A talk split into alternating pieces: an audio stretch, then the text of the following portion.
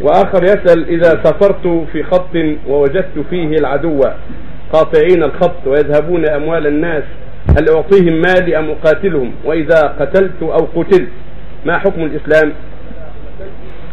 ثبت عن رسول الله عليه الصلاة والسلام أنه قال له رجل يا رسول الله ياتيني الرجل يريد مالي قال لا تعطه مالك قال فإن قاتلني قال قاتله.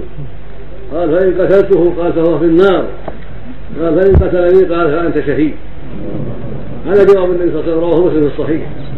فأنت بالخيار إن قاتلته إذا أبى للقتال فلك أن تقاتله ولا تعطيه مالك وإذا أردت أن تفدي نفسك بمالك وأن تعطيه ما يكفيك قتاله فلا بأس عليك النفس أغلى من المال. لكن إن قاتلته فلا بأس عليك وإن قتلته فهو في النار نعوذ بالله ودمه هدر. وإن قتلك فأنت شهيد لأنك مظلوم.